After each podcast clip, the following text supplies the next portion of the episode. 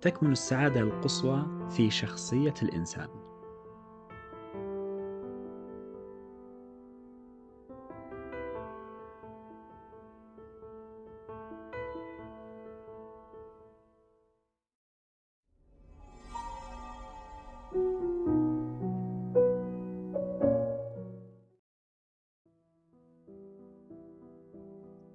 أهلا فيكم في بودكاست عقل وروح عنوان حلقتنا اليوم بين الفرد والمجتمع.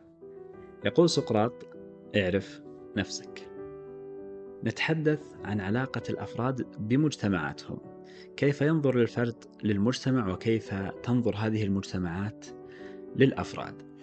أنت كفرد مميز ومع ذلك تنتظم في نسيج المجتمع العام.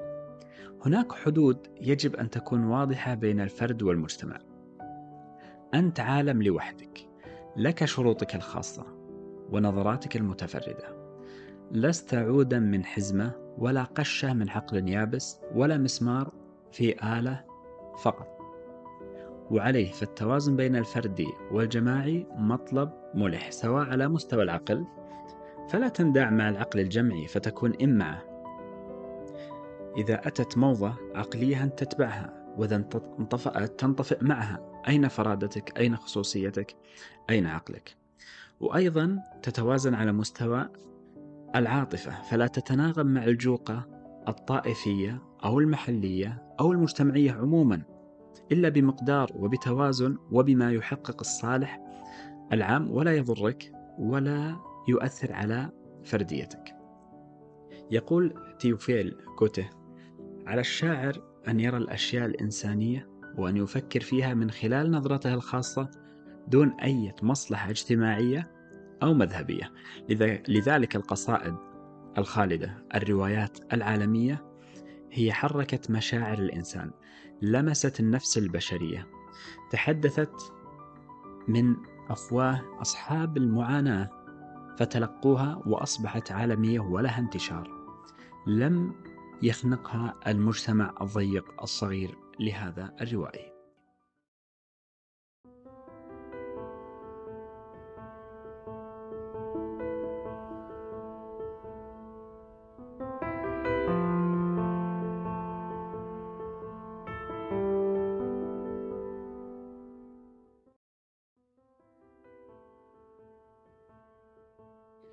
أقول على مستويات أكثر من هذا بل على مستوى العادات وبعض القيم. يكون لك عادات خاصة يكون لك قيم راقية خاصة.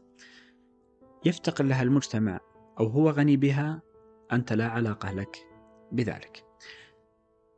وبناء على هذا بات من الملح رسم حد فاصل بين الفرادة والانخراط المجتمعي. بحيث يحفظ لك هذا التمييز المكان المناسب فلا تكن نشازا وأيضا يعصمك من التحول إلى رقم في معادلة.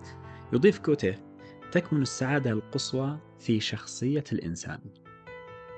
يعني أن يعرف ذاته أن يعرف حدود ذاته أن يعرف حياته. أن يتصل بهذه الذات يعرف ما تحب وما تكره. وماذا تملك؟ وما هو الشيء الذي تستطيع أن تعطيه بكل سماحة ويسر.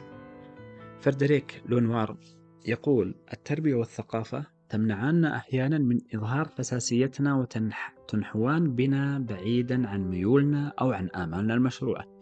لهذا السبب علينا أن نتعلم أن نكون أنفسنا بتجاوز البرامج الثقافية والتربوية التي يمكن أن تحيدان بنا عما نكونه. إن هذا التجاوز هو ما يدعوه عالم النفس السويسري كارل جوستاف يونغ بسيرورة التفرد. التي تتحقق غالبا في حوالي الأربعينيات من العمر عندما نقوم بأول تقييم لوجودنا. نستطيع أن نكتشف أننا لسنا نحن بما يكفي وبأننا نسعى لإسعاد هؤلاء وأولئك من دون أن نراعي أنفسنا. بطبيعة الحال مثل هذا الطرح في هذه الحلقة قد يخيل للمستمع تسويغ التمرد أو الانفلات أو التمكين لغريبي الأطوار داخل المجتمع بأن يمارسوا فرادتهم المقيتة وليس هذا هو المقصود إنما المقصود هو تحقيق القدر الذي لا بأس به من احتضان المجتمع لأفراده المنفتحين على العالم والذين يتواصلون مع الدنيا بسهولة. مراعاة المزاج العام لدنيا التواصل اليوم. التاريخ اختلف. والجيل اختلف. إن الفرد اليوم على اطلاع وقرب من تنوع الثقافات والاختيارات والميول. وهو في الوقت ذاته يتطلع لشيء من الحرية وممارسة الخصوصية في جو آمن من تهم الغرابة أو الأنانية أو الخروج عن المألوف. فنحن بذلك نضمن بقائه الوجودي داخل المجتمع لا أن يشذ عنه بالفعل ويخلق له عوالمه الخاصة والتي يستطيع من خلالها أن يعبر عن وجوده بعيدا عن مؤسسات المجتمع وقلاعه العتيدة. وشيئا فشيئا ينسلخ عن مجتمعه.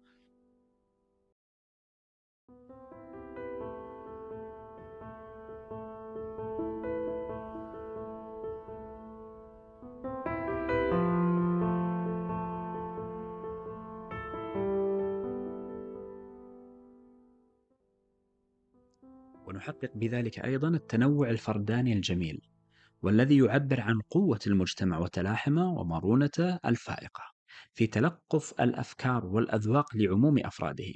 وأيما مجتمع يقاوم بضراوة اختيارات أفراده فلينذر نفسه بالتوتر الداخلي حتى وإن كان ظاهره الاطمئنان الشكلي. إذا التوازن قانون.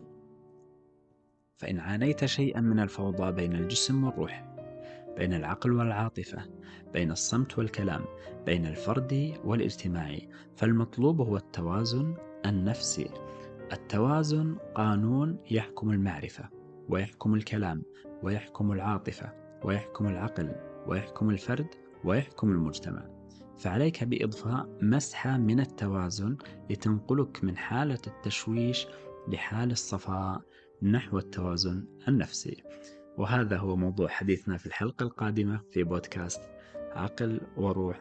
في انتظاركم. إلى اللقاء.